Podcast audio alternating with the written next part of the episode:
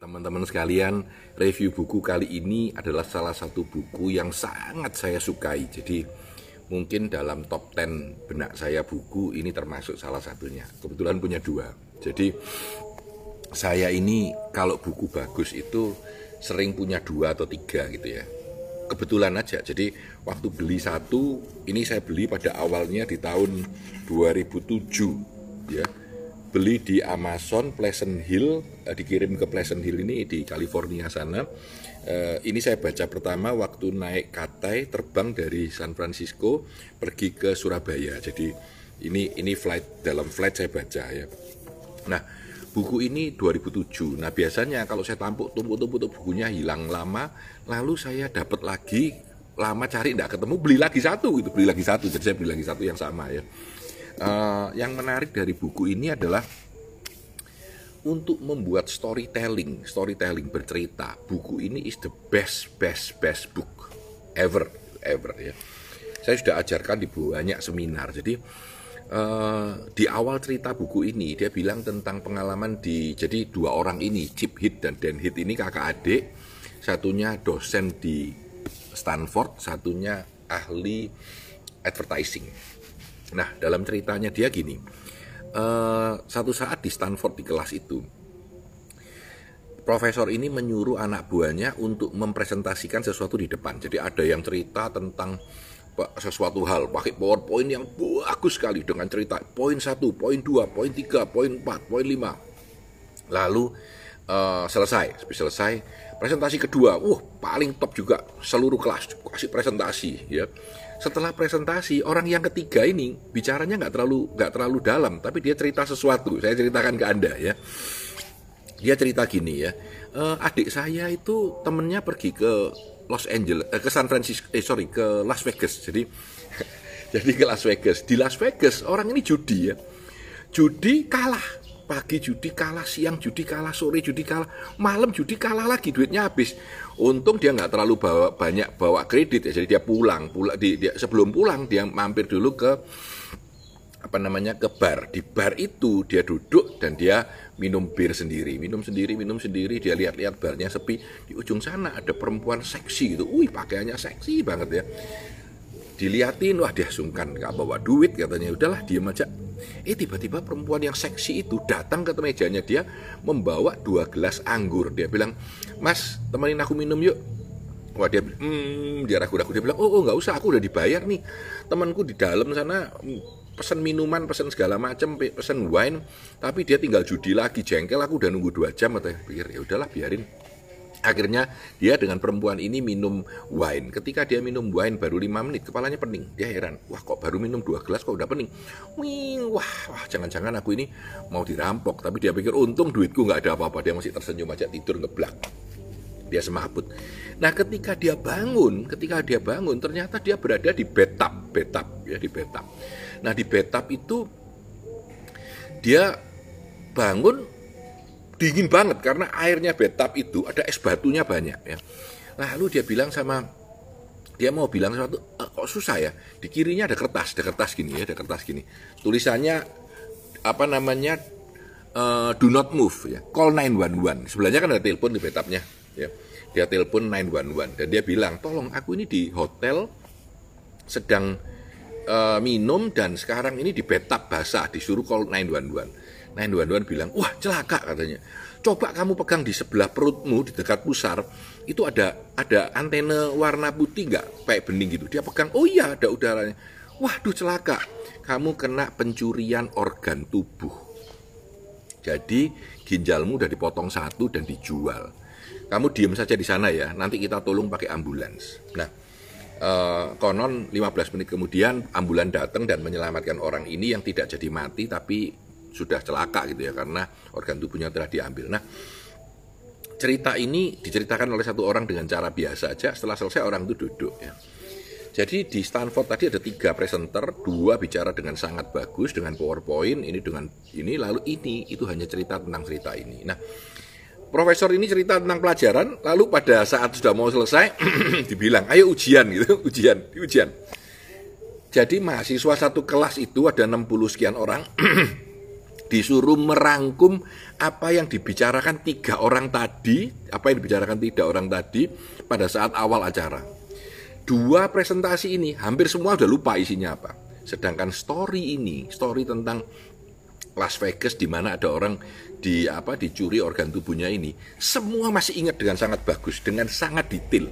Nah, di situlah dia baru bicara bahwa itulah the power of story, ya sesuatu story itu melekat di benak kita ya karena itu disebut made to stick dibuat untuk menempel di benak kita nempel di benak kita ya dan merubah cara kita hidup cerita tentang Las Vegas itu memang cerita itu pernah ada benar ya dan ternyata setelah diselidiki oleh beberapa orang, cerita itu bohong. Jadi tidak pernah ada kasus di mana pencurian organ tubuh di Las Vegas.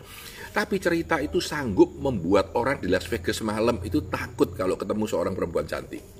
Ya, itu hebatnya. Nah, di dalam kehidupan kita sering kali banyak story yang merubah cara kita hidup ya. Saya masih ingat ketika saya masih kecil, saya jagoan berenang dulu waktu kecil, suka sekali berenang. Ya, suka sekali berenang. Lalu saya itu berenang di Selekta Malang. Selekta itu dekat kota Malang ya, dari Surabaya dua jam setengah. Nah di Selekta itu ada papan seluncur yang tinggi gitu ya. Dulu karena berani bukan hanya tidur begini, saya kepala di bawah, jas itu wah seweneng banget ya. Sampai satu kali ada orang bilang, hati-hati loh, ada silet. Waduh, sejak itu saya tidak pernah lagi sliding, tidak pernah lagi sampai sekarang tidak pernah sliding kadang-kadang sesuatu cerita pendek itu melempar ke kepala kita nempel nggak bisa lepas gitu. Cekat di kepala kita dan kita nggak akan lupa-lupa. Nah ini ini merubah pola hidup kita. Di Amerika ada cerita lagi tentang Halloween. Halloween itu uh, ketika trick or trick or treat ya dikasih permen dan lain-lain. Nah ketika Halloween katanya permen itu dalamnya dikasihin gelas silet dan lain-lain pecahan di dalam permen coklat itu. Dan sejak itu anda tahu di Amerika itu terjadi ketakutan. Halloween tidak ada orang yang boleh makan coklat. Ya. Bahkan makanan itu di scan dulu pakai scannya kayak kayak di bandara itu ya, supaya lihat ada apanya. Dan sebenarnya cerita itu nggak pernah ada. Jadi tidak pernah ada.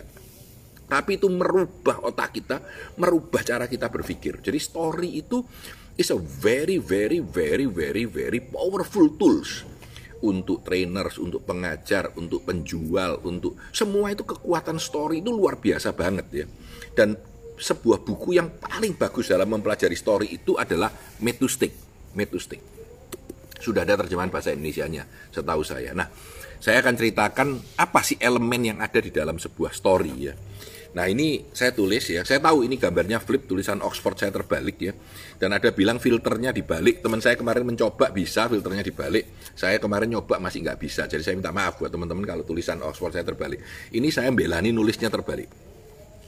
Ini rahasianya. Ya, made to stick, made to stick dari buku ini. Dia bilang ada enam elemen dalam made to stick. Ya, ini Anda bisa lihat kalau mau beli di foto atau di screenshot ya ini metustik ya. Ini enam elemen terpenting di dalam membuat sebuah story. Ada enam elemen terpenting. Ya. Yang pertama dulu, saya akan ceritakan enam-enamnya. Very powerful. Yang pertama dulu, simple, simple. Jadi story itu tidak boleh terlalu complicated. Ya. Harus simple sehingga ketika dinarasikan terakhir diingat di benak manusia itu mudah diingat Contohnya Pinocchio. Pinocchio itu apa sih? Pinocchio itu orang kalau berbohong hidungnya menjadi panjang. Itu yang melekat di benak kita. Dan itu saja yang nempel. Hal detail lainnya nanti dulu. Papanya tukang kayu, namanya siapa, saudaranya siapa. We don't remember. Yang kita remember apa? Hidungnya panjang kalau berbohong. That is story. Ya. Itu contoh. Ya. Contoh lagi adalah uh, Putri Salju. Tujuh Seven Dwarf. Gampang ingatnya gitu. Gampang ingatnya. Ya cerita apa pun itu harus dibuat sederhana. Plotnya sederhana. Romeo and Juliet. Gak boleh bercinta ya. Gak boleh pacaran. Itu contohnya. Jadi di dalam elemen menurut Chip Hit dan Dan Hit, story itu harus simple. Ya. Core of the story itu simple. Walaupun kembangannya banyak. Kalau tadi saya Anda ingat cerita saya itu ya, ya orang ketemu perempuan di mana dia eh, apa namanya di Las Vegas ya, lalu karena dia serakah mau minum-minum, akhirnya uh, kena pencurian organ tubuh. Simpel aja, simpel. Gak usah terlalu kompleks, bulat dan sederhana. Ya, story itu harus simpel, harus simpel, ya harus simpel. Nah, Itu elemen pertama yang penting. Yang kedua dia bilang unexpected. Jadi unexpected, tidak terduga. Jadi elemen unexpected. Ini adalah elemen surprise yang ada. Contoh dari elemen surprise itu apa? Contohnya tadi, tiba-tiba dia e, bangun sudah terjadi pencurian organ tubuh. Ini ada satu elemen yang tidak terduga di belakangnya yang muncul gitu, dong gitu ya. Dan itu merasa oh iya, dan orang jadi ingat gitu ya. Ini elemen surprise ya. Contoh adalah iklan di banyak tahun yang lalu orang bilang bahwa kapan kawin, kapan kawin, Mei, Mei, Mei kapan, maybe yes, maybe no. Nah itu itu ada elemen surprise di belakang, walaupun itu mengelemen dua ya. Satu adalah uh, surprise, yang kedua sebenarnya adalah emotion, karena emotion orang nanti saya bicara tentang emotion. Tapi elemen of surprise ini powerful, powerful ya. Saya sering pakai cerita, contohnya begini. Saya dulu cerita tentang sufi. Jadi ada seorang sufi mau bikin api di hutan. Ketika dia bikin api, lalu dia nggak uh, dapat apinya, nggak punya, nggak punya apinya. Cari-cari-cari nggak bisa-bisa bikin. Akhirnya dia terbang ke depannya uh, neraka. Di depan neraka dia bilang sama penjaga neraka, Mas, Mas, aku minta apinya dikit dong. Aku mau masak di hutan gitu. Ya. Penjaga neraka bilang, di sini nggak ada api. Marah sang sufi bilang, gimana di sini kok tidak ada api ya? Dia bilang, ini kan neraka. Dia bilang, nah penjaga neraka bilang apa? Dia bilang, benar pak, ini adalah neraka. Dan di neraka tidak ada api. Karena setiap orang yang masuk neraka itu membawa apinya di hatinya sendiri yang menghanguskan jiwanya. Menarik ya? Jadi setiap orang yang masuk neraka itu tidak kena api, tapi sebetulnya api itu telah membakar hatinya dan jiwanya ketika dia masuk ke dalam neraka di neraka sendiri nggak ada api. Nah ini contoh bagaimana ada satu ada sesuatu yang disebut dengan uh, unexpected, tidak terduga. Jawaban itu tidak terduga. Ya, sebuah story yang baik, yang kuat itu mempunyai unexpectedness. Ya. Dan yang ketiga, konkret. Konkret itu terjemahannya adalah sesuatu yang yang terasa real, terasa real. Gitu. Jadi sesuatu yang detail. Kalau bahasa saya yang sederhana itu detail. Misalkan anda ditanya ya, Pak ada berapa peserta acara kemarin? Saya bilang 1.300 orang ya. Orang bilang, ah masa betul sih 1.300? Tapi kalau saya bilang 1.247 orang, Anda akan merasa itu lebih real. Itu, itu, itu contoh ya. Jadi sebuah story yang mempunyai konkretness, ya, ya, itu akan jauh lebih powerful daripada story yang tidak mempunyai konkretness gitu. Contoh, kalau ditanya orang, Pak kemarin gimana? Oh ban ban saya bocor. Orang udah merasa oh iya, tapi nggak nggak masuk gitu. Ketika bilang, waduh Pak kemarin ban saya bocor ya, saya mau betulin nggak bisa, saya seret sepeda saya, sepeda motor saya, saya jalan kira-kira 2 km ya ketemu pom bensin. Pom bensinnya ternyata oh, tukang yang bikin uh, yang betulin uh, ban itu lagi tutup gitu sehingga saya harus jalan lagi setengah kilo ke dalam kampung masuk ke kampung manggil orangnya dan betulin. Nah ini terasa lebih real. Kenapa? Karena mengandung konkretness konkretness sebuah eh, apa namanya sebuah perasaan bahwa itu sangat real, sangat benar karena dalam ketika mengatakannya ya. Jadi sebuah kalimat yang dalam dan detail itu akan memberikan feeling bahwa itu benar dan itu lebih real gitu ya. Itu concreteness. Dan yang ketiga keempat adalah credible. Ya, ketika saya cerita tadi dari buku ini bilang bahwa cerita ini ada di Las Vegas. Orang tahu, orang Amerika tentunya ya. Las Vegas itu kota dosa ya, Sin City. Jadi ada judi, ada pelacuran, ada segala macam. Jadi orang merasa oh ya benar kalau orang minum bir dan lain-lain itu ya di Las Vegas gitu. Ini contoh ya. Jadi itu disebut credibility. Atau Anda cerita bahwa oh, cerita ini berdasarkan seorang profesor di Oxford gitu ya, di Oxford misalkan ya yang mengatakan bahwa pen, apa pekerjaan manusia itu akan hilang 50% dalam 10 tahun ke depan karena diganti dengan mesin. Nah, ketika saya mengatakan ini dari Oxford punya profesor, apalagi saya beri nama, itu akan lebih real. Saya kasih contoh, saya sering sekali cerita tentang flu ya flow atau mengalami hanyut itu adalah seorang profesor dari University of Chicago yang namanya Mihaly Csikszentmihalyi meriset tentang bagaimana orang merasa bahagia itu. Ternyata orang merasa bahagia itu ketika dia mengalami kehanyutan, lupa waktu, terlibat sepenuhnya dalam pekerjaannya. Nah, Anda akan merasa lebih realistik. Kenapa? Karena saya memakai seorang profesor, memakai sebuah riset yang panjang, sehingga Anda lebih percaya. Itu disebut credibility. credibility. Kemudian ini emosional. Ini mungkin terakhir karena story is story ya. Emosional. Jadi story yang baik itu mengguncang emosi kita, ya, membuat kita merasa bahwa wah iya ya ini benar ya. Jadi emosi ini jadi powerful gitu. Tadi saya bilang pertama bahwa ada cerita tentang kapan kawin, Mei, Mei kapan, maybe yes, maybe no. Nah ini kenapa terjadi? Karena orang-orang yang sudah berusia di atas 30 tahun itu paling jengkel kalau tanya kapan kapan menikah ya, paling jengkel. Kenapa? Memang urusan lu. Itu kan bukan urusan lu gitu. Kenapa lu tanya-tanya aja gitu ya. Nah, ini yang membuat orang jengkel. Nah, jengkel ketika ada sebuah story yang emosinya mempunyai resonansi dengan emosi kita, maka kita akan lebih suka dengan dengan story itu ya. Jadi emotion itu penting banget di dalam story ya.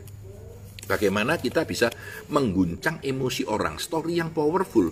Kenapa tadi story tentang Las Vegas itu disukai orang? Karena orang itu biasanya cowok itu suka melihat cewek seksi dan cerita tentang perempuan seksi, tentang kehidupan itu membuat mereka sangat happy gitu, sangat happy. Iya ya, wah gini. Nah, itu emotionally ya. Lalu orang suka berjudi, sering ke Vegas. Itu juga mempunyai sebuah elemen yang disebut dengan emotional factor di dalam story itu ya. Jadi Kembali kalau saya ringkas, yang terakhir adalah story. Jadi yang terbaik itu yang mudah diingat jangan berupa data, jangan berupa presentasi, jangan berupa lima poin terpenting, tetapi story. Berupa story akan mudah diingat.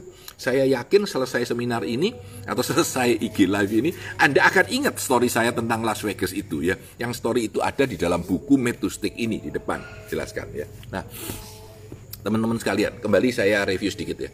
Sebuah Hal yang mudah diingat oleh pelanggan itu harus berupa story.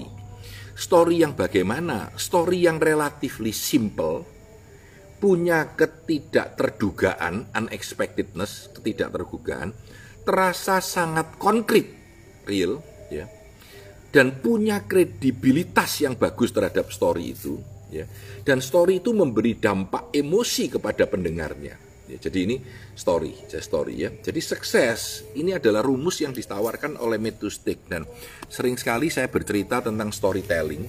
Saya selalu memakai buku ini sebagai referensi. Ya, di luar banyak buku lain tentang story, tetapi buku ini very powerful ya. Dan menurut saya sangat kuat sekali. Jadi mengajarkan kita bagaimana supaya konkret, bagaimana supaya kredibel, bagaimana menciptakan uh, sebuah story yang simple dan ini very powerful buat teman-teman. Untuk pembicara, untuk guru, untuk dosen, untuk trainer, untuk sales, untuk profesional, untuk leader, untuk manager, untuk supervisor, untuk uh, siapa pun, siapa pun. Ya, storytelling itu is a very powerful tools dan metustik itu merupakan sesuatu yang powerful sekali untuk kita. Jadi Eh, teman-teman uh, harus biasa untuk mengajarkan storytelling. Saya ini kalau dalam story pakai banyak sekali. Dulu saya pernah suruh asisten saya, coba saya pakai sebanyak mungkin story ya, kamu hitung. Saya pakai berapa story? Dia bilang, aduh Pak San, Pak San baru cerita satu jam, seminar saya tiga jam ya, sudah pakai 37 story. Saya sudah nggak nggak nggak ngitung lagi terlalu banyak. Kadang-kadang story itu very short, nggak usah panjang-panjang. Kadang-kadang bisa tiga menit. Ya. Kadang-kadang bisa. Jadi story itu powerful untuk mengingatkan kita akan sesuatu gitu ya. Uh, saya kasih satu story untuk menutup acara ini ya story terakhir saya yang sering saya pakai aja hmm, gajah jadi kalau ada gajah anda lihat di sirkus gajah itu ditaruh di tengah lalu anda perhatikan gajah itu disuruh duduk dan lain-lain masih di kakinya itu ada rantai kecil kenapa karena gajah itu ketika dia masih kecil kakinya dirantai, dia jalan, dia jatuh gitu. Dia jalan lagi, dia jatuh. Karena memori gajah itu bagus. Dia selalu ingat kalau kaki ada rantai, nggak boleh jalan. Sehingga kalau Anda lihat di zaman gajah sirkus pun itu ya, sampai depan kakinya dirantai. Gajah ini merasa, oh aku sudah dirantai, aku nggak boleh jalan gitu ya. Nah ini terjadi apa yang disebut dengan rantai kaki gajah dan ini terjadi di dalam benak manusia juga. Kalau kita sudah gagal dalam sesuatu, kita tidak akan melakukan lagi. Padahal mungkin gajah ketika besar ditarik aja rantainya putus. Kita pun sama. Mungkin sebelum pandemi kita merasa aku nggak bisa ini, aku nggak bisa ini. Sehingga ketika pandemi Anda tidak mau mencoba. Tapi mungkin sebenarnya sekarang Anda sudah bisa melakukan itu. Dan ketika Anda bisa, Anda tetap tidak berani melakukannya karena ada kaki rantai kaki gajah di benak Anda, di benak Anda ya. Nah ini bagaimana powerfulnya sebuah story yang sebetulnya sederhana, satu menit aja, tetapi mempunyai dampak yang kuat di dalam menggugah orang supaya mau melakukan sesuatu yang baru. Jangan takut dengan pengalaman lama, karena mungkin sekarang kamu sudah tumbuh besar, tidak menjadi gajah kecil, tapi gajah yang sudah 20 kali lebih besar dan mempunyai kekuatan untuk menerabas rantai gajah yang ada pada Anda. Ini contoh powerfulnya sebuah story ya. Nah, uh, senang sekali. Setiap hari saya mencoba mereview satu buku ya. Saya nggak tahu sudah berapa hari ya. Saya mencoba review satu buku satu buku satu buku ya. Baik buku yang sangat lama ini tahun 2007 bayangkan 2007 dan ini sudah saya pakai seminar berpuluh-puluh kali ya. Uh, 2007 yang bagus-bagus walaupun tua. Jadi buku itu semakin tua semakin bagus. Kenapa? Karena masih Anda ingat. Buku baru begitu lewat dia lewat zamannya, ya. Nah, uh, ini kebetulan di taman di rumah saya saya sekali-sekali mencoba untuk melakukan IG live dengan kondisi yang berbeda ya. Nah, ini kalau saya dari Oxford 2017 akhir saya ikut acara strategik uh, strategi, uh, Oxford Strategic Leadership Program. Oxford Strategic Leadership Program. 6 hari di Oxford, 6 hari di Oxford. Uh, 6 full day belajar ya dan menarik sekali. 6 full day belajar dan biayanya 16.000 pound sterling. Dua, saya ingat pokoknya 216 juta atau berapa gitu ya. Mahal banget, belum termasuk tiket dan hotel ya. Hotelnya dikasih, dikasih uh, nginep di sana ya. Uh, ini kebetulan dari Oxford dan kebetulan saja seminggu yang lalu kita punya reuni. Jadi saya sengaja cari kaos ini lagi di hari Tubuhan. Ada reuni di Oxford tentang uh, para strategic leadership program member ini untuk sharing dan ngobrol dengan para profesornya. Happy banget sih, happy banget. Jadi jadi sekarang ini jadi gampang reuni, gampang ketemu orang, gampang untuk bernetwork dan lain-lain.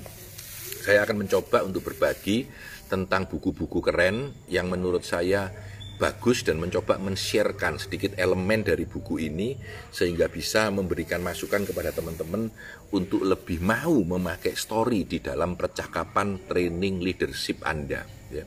Saya kira itu review hari ini Metustik ya, bagaimana membuat sesuatu menempel dan melekat di otak kita. Saya Tanah Disantoso, sukses selalu untuk Anda.